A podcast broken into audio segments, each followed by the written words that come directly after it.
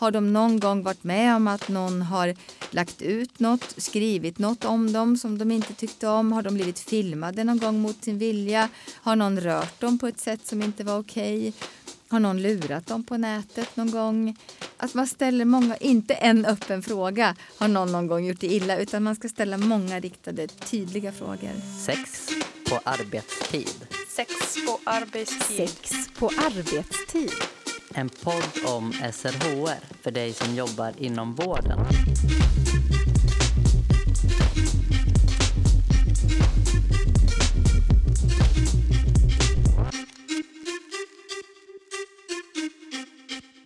Ett av fem barn har utsatts för ett sexuellt övergrepp. Det handlar alltså om sex elever i varje klass. Men det är sällan det kommer fram till myndigheter och det är bara en bråkdel som anmäls. I det här avsnittet träffar vi Åsa Kastbom som är överläkare i psykiatri.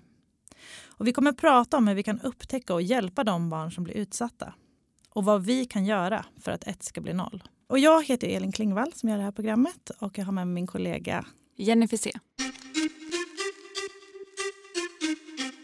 Välkommen tillbaka till podden Sex på arbetstid, Åsa. Tack. I förra avsnittet så pratade vi om barns sexuella utveckling och vi kom in på när vi behöver bli oroliga för barn. Och Det är det vi ska prata om idag, nämligen barn eh, som utsätts för sexuella övergrepp. Åsa, kan du börja berätta lite om dig själv och din arbetsplats? Mm. Jag brukar säga att jag har världens roligaste jobb. Eh, alla håller inte med, men jag tycker det. Jag jobbar på Region Östergötland, på en, bland annat på en mottagning som heter BUPs traumaenhet BUP Elefanten där vi tar emot barn som har varit med om sexuella övergrepp, fysiskt våld av närstående eller barn som har ett eget problematiskt sexuellt beteende. Jag jobbar också eh, på vuxenpsykiatrin eh, med, i ett traumateam där vi tar emot vuxna som har varit med bland annat om övergrepp eh, men som har utvecklat PTSD. Idag så ska vi prata om sexuella övergrepp på barn. Vad menar vi när vi pratar om det? Sexuella övergrepp kan vara så mycket. Ehm, det är viktigt att komma ihåg att sexuella övergrepp är inte bara våldtäkt eller eh, penetration utan det kan vara så mycket mer. Och när vi inom vården frågar ett barn har någon gjort det illa så täcker vi verkligen inte för sexuella övergrepp sexuella övergrepp kan vara att man blir tvungen att titta på porr, att man blir tvungen att vara med när vuxna har samlag, att man blir filmad när man duschar, att någon onanerar mellan eh, låren på en eller under arm, i armhålan, att man blir masserad eh, för någon annans skull, att en tränare gör en pubertetskontroll. Eh, alltså det kan vara så mycket eh, som är sexuella övergrepp. Så det, och det är viktigt att komma ihåg att det gör inte alltid ont och det är verkligen inte alltid en okänd man i en skog som förgriper sig på ett barn. Vem är det då som definierar vad ett sexuellt övergrepp är? Ja, det måste man ju definiera eh, själv. Ett spädbarn kan ju inte definiera om det är med om ett sexuellt övergrepp eller inte.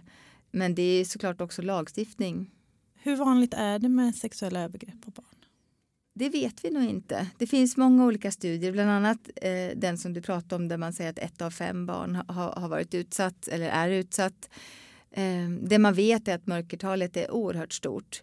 Vi vet att barn eh, ibland inte vet om att de har varit utsatta men vi vet också att de inte berättar och särskilt inte för en myndighet. Om man berättar så berättar man oftast för en kompis och så får kompisen lova att inte berätta för någon. Men även de som berättar för en vuxen. Eh, för att det ska bli en pinne i statistiken så måste ju den här vuxne eh, tro på barnet, lyssna på barnet och sen agera på barnet. Eh, och, och, många faller ju bort redan på vägen så att mörkertalet är jättestort. Jag träffar många vuxna patienter och jag frågar alla mina vuxna patienter också om de har varit utsatt för övergrepp någon gång. Och det är så ofta vuxna och äldre människor säger till mig att du är den första som frågar. Eller jag har aldrig berättat det här för någon. Så de flesta bär ju på det väldigt, väldigt länge och berättar inte för någon. Så din upplevelse är att det till och med är ännu fler än en av fem? Jag tror det. Hur ska vi göra för att upptäcka dem då? Ja, vi, vi vuxna måste våga för det första måste vi våga se, vi måste veta, vi måste känna till att det här händer. Vi måste lära oss hur det går till, var det går till, vem som gör det här. Vi måste också våga fråga, vi måste vara bekväma och prata med barn om sånt här. Vi måste våga ställa frågor men vi måste också ha ett, ett, en, en vardaglig kommunikation kring eh, sexualitet, kring kroppen, kring samtycke, till om kärlek, sex. Och det måste finnas vettiga vuxna som finns runt omkring barnet som, som barnet kan berätta för om de har någonting som de är bekymrade över. Vilka är det som utsätter barn? Vad Det- vet vi om, Ja, om det är vem som helst. När det handlar om sexuella övergrepp så är det inte någon viss ålder, det är inte någon viss läggning, det är inte, det är inte heller någon okänd. Oftast är det någon som barnet känner väl och som barnet litar på och som barnet faktiskt också tycker om väldigt ofta. Pratar vi då om alla åldrar? För när vi, pratar om, vi har inte definierat än vad vi menar med barn. Nej, Men är det, kan det skilja sig i olika åldrar? Vem man blir utsatt av? Det vet jag inte, inte vad jag har läst utan det är oftast, allra oftast är det någon som barnet känner eh, och som barnet tycker om. Sen, sen kan ju sexuella övergrepp också vara av en, en jämnårig. Jag tänker på det du säger om när man känner och faktiskt tycker om sin förövare så har man ju kanske dubbla känslor inför den personen. Ja. Eh, hur ska man förhålla sig till det? Mm. De barn jag träffar eh, som har blivit utsatta, de all, allra flesta vill ju ett, att övergreppen ska ta slut. Två, att han eller hon ska säga förlåt. Eh, sen vill de ganska ofta att livet ska rulla på. Barn pratar sällan om straff eller om skadestånd eller så, utan de, de vill eh, att det ska upphöra och gärna att någon ska säga förlåt.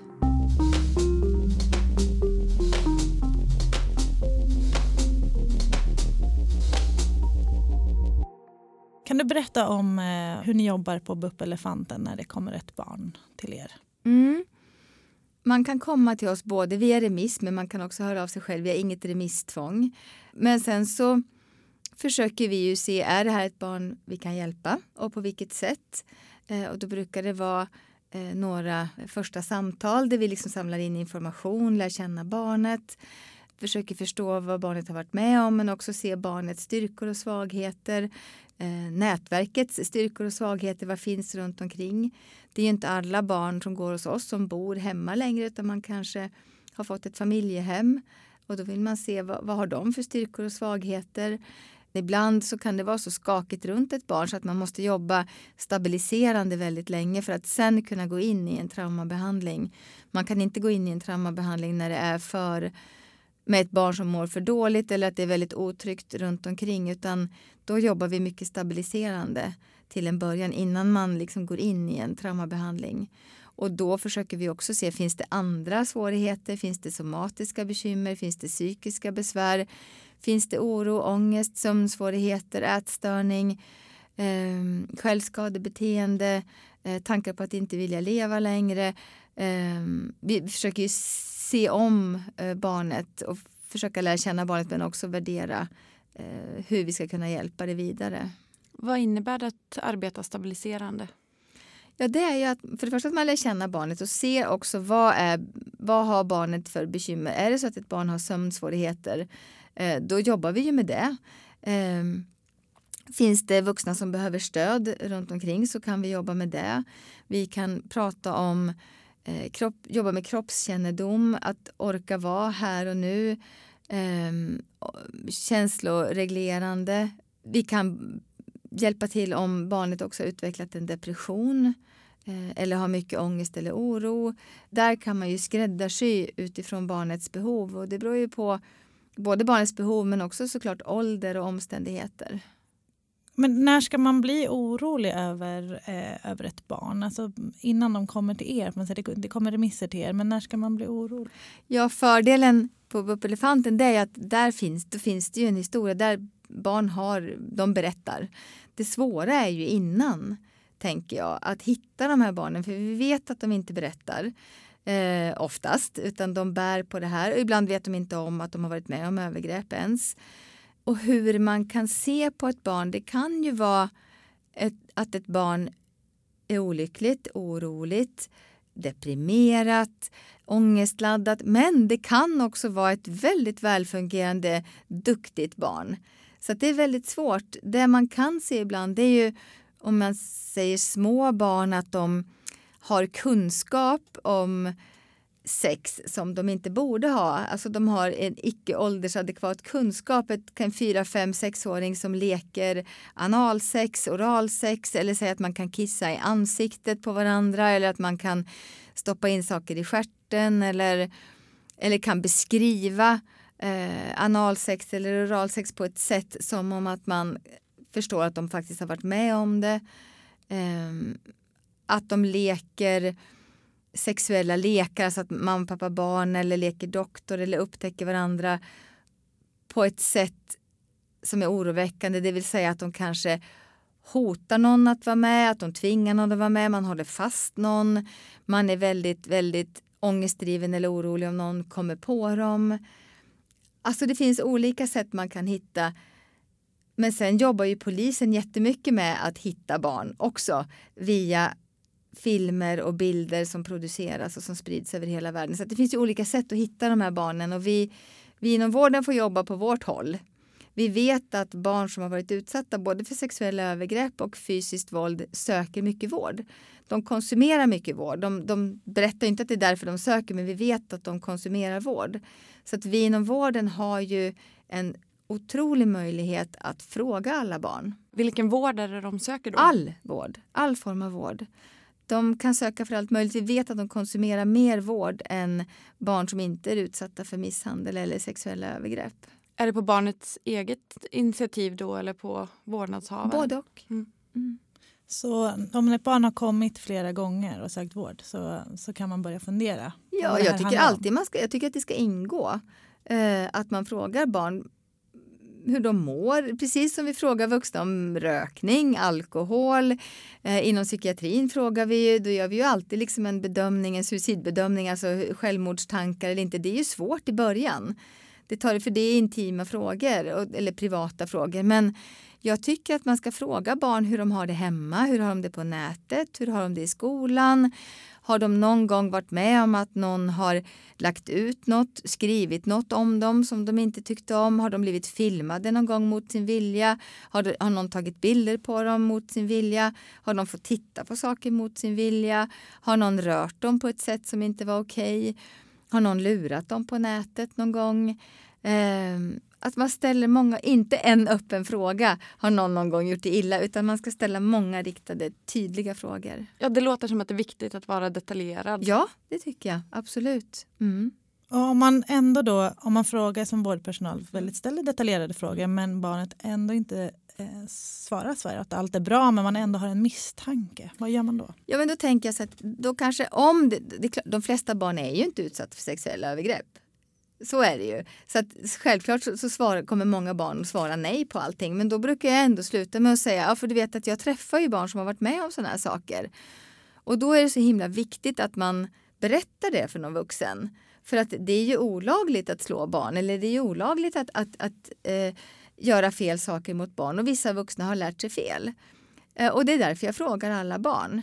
Eh, så att om någon kompis kommer till dig någon gång och berättar något sånt här, då vet du att ni ska gå och prata med någon bra vuxen person.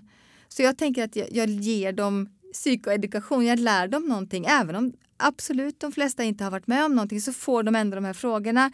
De får lära sig att det här finns det en tant som känner till sånt här. Det är inte barnens fel, det är den vuxnes fel. Och får man veta om någon kompis så ska man gå och prata med en vuxen. Så att jag tänker att jag lär barn genom att fråga alla även de som inte har varit med om det, så lär jag barn. Och är det då ett barn framför mig som har varit med om någonting men som inte vågar berätta det för mig idag, då får de ändå höra att här sitter det någon som faktiskt känner till att sånt här händer. Hon säger att det inte är barnets fel, alltså är det inte mitt fel. Hon säger också att hon har träffat andra barn, alltså är jag inte ensam. Och hon säger att man ska prata med en vettig vuxen. Och då kanske det barnet väljer en annan vettig vuxen en annan gång. Eller berättar för mig vid ett senare tillfälle när han eller hon är redo. Det har jag också varit med om. Så att jag tycker ändå att det lönar sig att man kör den här, det här batteriet av frågor varje gång.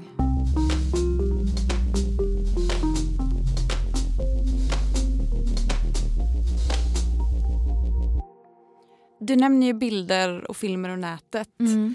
Nätet är ju en relativt ny arena för sexuella övergrepp. Mm. Hur vanligt är det att det sker sexuella övergrepp på nätet? Och det tror jag inte vi vet. Jag tror att det sker jättemycket där. Hur går det till då? Och det, det går till på alla möjliga sätt. Det kan ju vara att man luras. Att man eh, utger sig för att vara en ungdom eller ett barn och bygger en relation på nätet eh, utifrån en falsk bild och att man kanske börjar kamma efter ett tag. Att man vill att den andra ska visa upp sig i kammen, visa sig i underkläder eller onanera i kammen. För att det gör man när man är ihop på nätet. Men förövarens kamera är då ofta trasig. Därför så blir det bara envägskommunikation. Det är många barn som blir lurade på det sättet. En del också ut, men de utger sig från början för att vara vuxen. Eh, men ger komplimanger. Säger du är snygg, du är sexig eh, och kanske får barnen eh, att ja, gå med på saker. Eh, eller så lurar man dem från början och säger att jag har en bild av dig när du är naken. Eh, för den har jag tagit för jag har smygfilmat dig på idrotten och jag vet att du går på den och den skolan och jag vet att du bor på den och den vägen. Jag vet att din lillebror tar den här och den här bussen på morgonen. Eh, om inte du ger mig en ny bild så kommer jag att lägga ut den här bilden på din mammas Facebook eller skicka den till din mentor eller så. Och då och så säger de kanske att ja, du har 30 sekunder på dig eller du har fem minuter på dig att ge mig en bild. Eh, och så räknar de ner. Och få barn vågar då gå ut i vardagsrummet eller i köket och säga så här, hörni föräldrar, nu har jag en en luring i min dator. Eh, utan de blir rädda och de tror på det och så kanske de visar upp sig eller ger en bild och då har ju personen en bild och då börjar utpressningen. Han kanske inte hade en bild från början utan det, det är någonting man säger för att lura av barnet nya bilder och sen är det igång. Och det är verkligen inte alla barn som vågar berätta för sina föräldrar när sådana här saker händer för man skäms. Och vi föräldrar har sagt hela tiden att du får inte lämna ut ditt namn till någon om det här och det här händer. Då tar vi datorn eller då tar vi eh, telefonen för dig. Därför vågar de inte heller komma och berätta. Så att det finns så många sätt som barn kan bli lurade på nätet. Du sa han. Är det bara män som är förövare? Nej, det var slarvigt av mig. Det är både kvinnor och män. Jag tror att om tio år vet vi ännu mer om kvinnliga förövare. Det har ju bara det senaste halvåret dykt upp en hel del nya fall med kvinnliga sexualförövare i Sverige. Och i forskningen har vi sett mer och mer de senaste tio åren att det är mer kvinnliga förövare. Men vi är dåliga på det. Jag tror att om tio år kommer det se helt annorlunda ut. Då vet vi mer. Och hur ska vi jobba förebyggande med barn för att barn ska våga berätta? Jag tror att vi som vuxna framförallt ska, ska lära oss nätet. Vi ska lära oss eh, vad de spelar, vilka appar de använder. Vi ska vara intresserade. Därför att om vi bara är negativt inställda till det så kommer de aldrig att berätta för oss. Utan jag tror att det är viktigt att vi förstår att nätet är också bra. Det är också roligt. Det finns många bra communities. Det finns många roliga spel. Det finns jättemycket gott på nätet men det finns också en hel del dåliga saker och barn behöver lära sig. De behöver nätkunskap. Och vi behöver lära dem hur de ska skydda sig på nätet så att de vågar komma till oss när det händer någonting, om det händer något. Och då kan man berätta att det finns vuxna som har lärt sig fel, som gör fel. Och händer det här och det här och det här på nätet så säg till mig för jag vill veta. Ta en screenshot, blocka, men berätta för mig för det här vill jag veta för det är faktiskt olagligt att lura barn. Vad har du för erfarenhet av hur vuxna runt omkring barnet reagerar när något sånt här kommer fram? Ja, men alltså, det kan vara både och. Det finns vuxna som är superbra som verkligen tar hand om sina barn, som inte skuldbelägger dem, som säger så här, shit, jag hade också blivit lurad om det här hade hänt mig. Men sen finns det vuxna som straffar och blir jätteupprörda. Så det finns nog alla varianter. Ibland så blir ju också vuxna runt ett barn lurade. Mm. Det är många som beskriver det. Eh, att den vuxne inte har sett, att den vuxne inte har förstått. Eh, det kan handla till exempel om en tränare som har förgripit sig på ett barn eller om en lärare eller en präst eller en läkare, vem som helst. Men att föräldrarna verkligen inte har sett det och att de också har blivit lurade. Det har jag träffat många föräldrar som beskriver det. Eh, och att de ibland säger att ja, men han eller hon var för, egentligen för bra för att vara sann och jag fattar inte att jag inte såg det. Men de här personerna kan vara jätteduktiga på att lura alla i sin omgivning.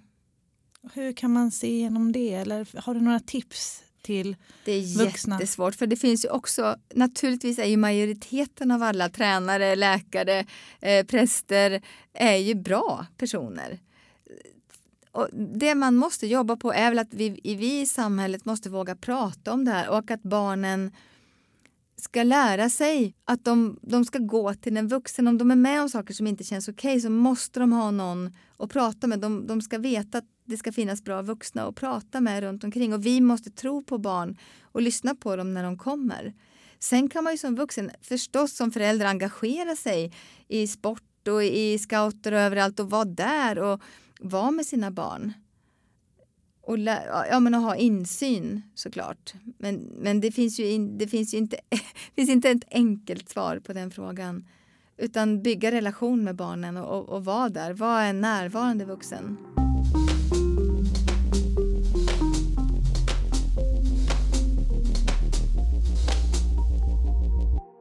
Vad ska man som vårdpersonal göra när någonting sånt här kommer fram? Mm. Om vi känner oro för ett barn så ska vi göra en orosanmälan. Och det är vår plikt, det är vår skyldighet. Vi som jobbar med barn, som träffar barn i vårt yrke har en skyldighet att göra en orosanmälan och det gör man till socialtjänsten. Och det räcker med att vi känner oro för ett barn. Oro för att ett barn inte får sina behov tillgodosedda eller att ett barn utsätts för fysisk misshandel eller omsorgssvikt eller sexuella övergrepp. Och då tar vi kontakt med socialtjänsten och gör en orosanmälan och det är vår skyldighet och den är personlig. Det är inte så att vi måste fråga någon bakjour eller någon klinikchef utan den är personlig och gäller alla som jobbar med barn eh, professionellt. Hur mycket vetskap om att någonting faktiskt har hänt behöver du för att kunna göra en orosanmälan? Du behöver inte veta, du behöver inte bevisa och du ska absolut inte straffa någon utan känner du oro så berättar du det du känner eh, och beskriver det för socialtjänsten. Sen är det de som har eh, ansvar för barnets skydd och hur man går vidare. Vad behöver ett barn som blivit utsatt? Ja, först och främst kanske måste man se över barnets skydd och det gör ju socialtjänsten. Är barnet tryggt där, där, där barnet bor eller inte? Eh, sen beror det ju väldigt mycket på barnets symptom, vad de behöver för hjälp. De behöver ju naturligtvis komma bort från övergreppen. Eh, de behöver få eh, trygghet. Eh, de ska inte utsättas för hot. De ska inte leva med övergrepp. Sen beror det ju på vilket barn du har framför dig, vad barnet har för symptom, vad, vad som besvärar barnet, ja, hur man sen lägger upp en behandling. Men skydd och stöd är det viktigaste. Om det är en närstående som är förövaren, finns det någon möjlighet att fortsätta ha en relation efter att något sånt här har kommit fram? Ja, det bestämmer socialtjänsten också.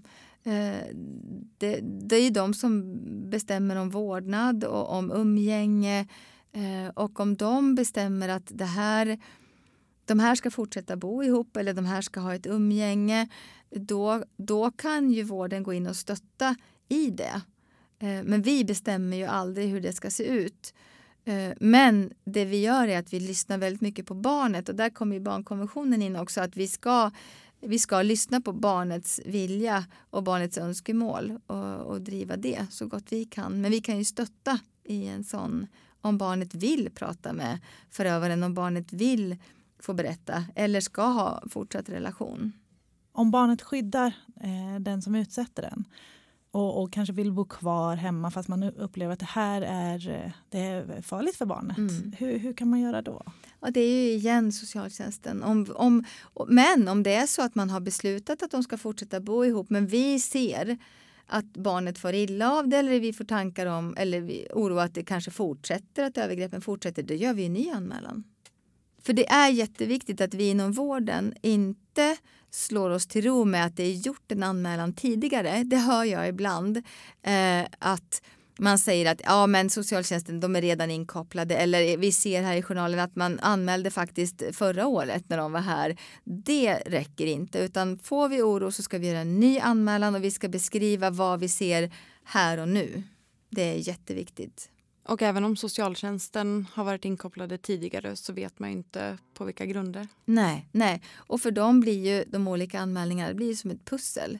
Så det är klart att det spelar roll vad vi ser idag. Eh, och kommer anmälningar från flera håll så, så ger ju det också en bättre bild för dem att jobba vidare med.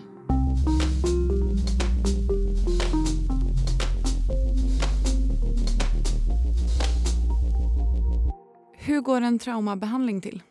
Det kan gå till på många olika sätt beroende på barn, barnet, vilken ålder, vilken utvecklingsnivå och vad barnet har varit med om såklart. Men den vanligaste kanske är traumafokuserad KBT eh, och då jobbar man mycket eh, med eh, exponering, att man faktiskt pratar om det barnet har varit med om. Och det brukar också, man brukar ändå göra det som kallas för narrativ, alltså kanske en, en berättelse, en saga, eh, skulle också kunna vara en dikt eller en målning, men där man där barnet jobbar och beskriver vad hen har varit med om, också kanske om hur det är just nu och också om framtiden. Um, och det är en krävande behandling och det kräver en, en stark allians mellan behandlare uh, och barn och den tar tid och kan vara rätt så tuff uh, för barnet. Du möter ju också vuxna som har blivit utsatta mm. för övergrepp när de var barn. Ja. Eh, ser den behandlingen annorlunda ut? Alltså det, finns, det finns ju många olika behandlingar. Eh, rent krasst kanske man väljer det, det som man är bra på i det teamet man jobbar. Och det kan ju vara EMDR eller prolonged exposure. Det finns ju många olika typer av behandlingar. I den bästa av världar kanske man skulle utgå ifrån patientens behov men jag tror rent krasst att det också handlar om vad man kan och känner sig duktig på och, ha kunskap inom i det team man jobbar. Är de här behandlingarna hjälpsamma? Mår man bättre efteråt? Ja, det tycker jag. Det, tycker jag. det är min erfarenhet. Hur märker du det? För att vi faktiskt avslutar patienter, att patienter eh, blir klara och går vidare i livet. Vi kan inte trolla bort det de har varit med om, men vi kan på olika sätt hjälpa till att bearbeta, eh, att stabilisera, men också att man kanske Målet kan vara att se sig själv som en överlevare istället för ett offer eh, och att man mår bättre. Och det tycker jag att jag har sett både på vuxna och barn. Kan du ge något exempel på hur barn upplever den här behandlingen? Ja, alltså jag, jag, ser ju på dem att många av dem mår mycket bättre eh, och ibland kan de uttrycka det på olika sätt. De kanske uttrycker det med att nu behöver jag inte komma hit mer. Eh, nu vill jag fokusera på annat. Eh, men vi har också en anslagstavla där barn skriver meddelanden till varandra eh, och där kanske de skriver eh, det kän, känns skit i början men det blir bättre sen, håll ut eller de är snälla här, våga prata eller sådana saker. Och en del barn vill också skriva meddelanden till andra som är och, och då är de ofta hopp, hoppingivande och ger andra barn som kanske är mitt i behandlingen hopp. Du sa i början att du har världens bästa jobb. Mm. Eh, men det finns ju också många behandlare som, som får höra många av de här traumatiska berättelser som, som tar med sig dem hem eller och man ibland utvecklar också en sekundär traumatisering. Mm. Hur har du gjort för att eh, kunna hantera all den mängd av berättelser som du får höra? Mm. Jag tror att det är viktigt att ha ett bra privatliv. Att man, eh, ja för mig har det varit att röra på mig, att komma ut i naturen, att vara fysiskt aktiv varje dag, eh, att träffa friska, glada, pigga barn. Jag är fotbollstränare, jag är engagerad i badminton, jag försöker vara aktiv och jag försöker stänga av eh, det här när jag är ledig. Jag har märkt att jag, jag vill inte läsa sådana här artiklar, jag vill inte se sådana tv-program. Jag försöker stänga av det lite grann när jag är ledig. För i perioder kan det bli mycket och bli överväldigande. Och då måste man eh, göra mycket annat för att få balans. Men och man måste vara rädd om sig själv för man är ju sitt eget verktyg väldigt mycket. Men där tycker jag också att vi faktiskt är bra på att se varandra och vara rädda om varandra och, och stötta om, om det är någon som har väldigt mycket och väldigt tuffa saker eh, på jobbet.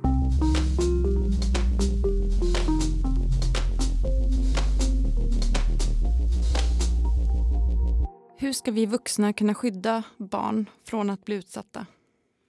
Vi måste bli kunniga i området. Vi måste våga eh, prata med barn. Vi måste finnas till hands, vi måste vara närvarande. Eh, vi måste bygga förtroenden eh, med barn.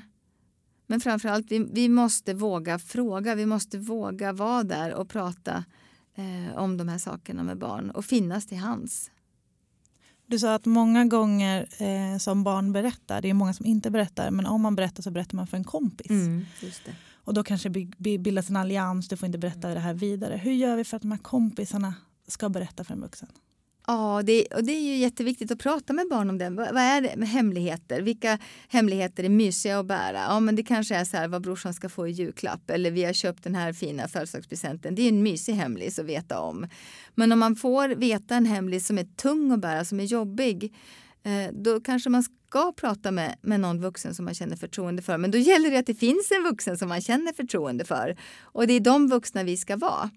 Men där tycker jag att man ska lära barn att vissa saker måste man gå med. Och det är därför jag också ställer alla de här frågorna till alla barn och all, också alltid försöker säga att man ska gå till en vuxen om man har talas om sånt här. För det här ska inte barn reda i själva. Det här är en vuxen som har gjort fel och andra vuxna måste hjälpa till. Och vilka inom vården behöver eh, särskild kunskap om det här? Alla som möter barn i vården. Vi sa ju i början av avsnittet att eh, ett av fem barn eh, har varit utsatt för ett sexuellt övergrepp. Hur ska det kunna bli noll? Ja, då måste vi jobba väldigt brett. Och jag tror att vi är på god väg. För när jag började i det här fältet för, vad är det nu, 15 år sedan kanske. Då var det mycket inom vården, liksom, det var barn, barnläkarnas problem. Det här med barnmisshandel, sexuella övergrepp, det, det var liksom barnläkarnas kunskap. Det, jag tycker inte att det är så längre. Jag tycker att i alla fall de jag träffar, att de allra flesta inom vården som har barnpatienter känner ett ansvar och kan mer idag. Och det har ju bildats barnskyddsteam i många olika regioner i Sverige och eh, eh, Barnafrid eh, finns och Barnahus finns. Alltså så jag tycker att det har hänt jättemycket eh, och att vi har delat på ansvaret mer än, än vad man gjorde för, för kanske 15-20 år sedan. Och sen ska vi absolut inte glömma polisens arbete världen runt i att hitta de här barnen eh, på film och bild och försöka identifiera dem och hitta dem på den vägen. Och det finns andra aktörer som också har börjat engagera sig, banker, internetbolag. Så jobba brett från olika håll? Ja. Nej, men och sen tycker jag att det är viktigt att barnen får, barn och ungdomar får kunskap om sex och kroppen och kärlek på ett vettigt sätt. Att de inte behöver söka på det på nätet. Och att de lär känna sin egen kropp. Vad tycker jag om? Vad tycker jag inte om? Och att det är okej okay att säga nej. Det här med samtycke är oerhört viktigt. Eh, och att vi också inte tvingar barn att sitta i någons knä, att vi inte tvingar barn att pussa någon som de inte vill. Utan att de, vi ska träna dem i integritet och att de äger sin egen kropp. Men, och att de också ska kunna utforska sin kropp på ett vettigt sätt. Eh, och upptäcka vad gillar jag, vad gillar jag inte, vad tycker jag om, vad tycker jag inte om. Ehm, och det är där jag också tänker att vi måste skydda små barn mot pornografin. För idag så exponeras de för, för pornografi väldigt, väldigt tidigt innan de har hunnit hitta eh, sin egen lust, sin egen känsla. Eh, och det märker jag också på många barn som söker, eller som jag träffar i vården, att de de har lärt sig så mycket som de egentligen inte tycker om men de gör det för att det ingår, för att de har sett det i flera år göras inom porren eh, och sen känner de sig tvungna att göra det själva. det kan handla om strypsex eller om eh, ja, väldigt hårdhänt våldsam sex. Men att de, de, har fått för sig att det här ska göras och, och man ifrågasätter inte. Och det, det gäller ju alla ungdomar som jag träffar. Och jag brukar fråga, har du pratat med din partner om det här? Och då är svaret ganska ofta nej, det har jag inte. Eh, och så går de hem och gör det och sen kommer de tillbaka och så säger de så här, nej men min partner tyckte inte heller om det här, så nu hoppar vi över det. Vad kan du se hos vuxna eller äldre som har fått hjälp? Och jag, jag, får nästan varje dag när jag träffar vuxna som har varit med om eh, övergrepp och som sen har fått hjälp att prata om det så berättar de för mig hur mycket bättre de mår. Så det är så mycket värt att vi fortsätter att ställa de här frågorna även till vuxna patienter och att det finns hjälp att få. Att de kan få gå vidare. För de får en helt annan livskvalitet, många av dem. Och det är verkligen värt det. Tack så jättemycket Åsa för att du kom hit. Det har verkligen varit jätteroligt och intressant att ha dig här. Vi brukar avsluta varje program med att vår gäst får ge tre tips. Har du mer än några mm. tips? Jag har tre korta tips till all vårdpersonal som hör det här och till alla andra också för den delen. Och det är våga se, våga fråga, våga agera. Tack så jättemycket Åsa. Tack.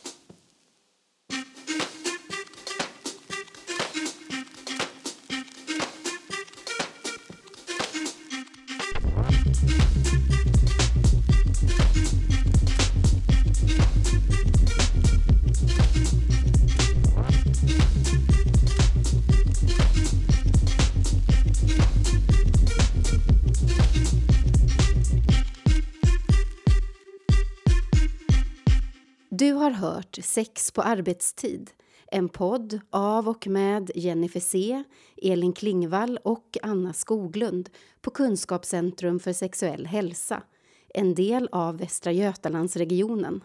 Sex på arbetstid produceras av Malin Holgersson på uppdrag av Kunskapscentrum för sexuell hälsa.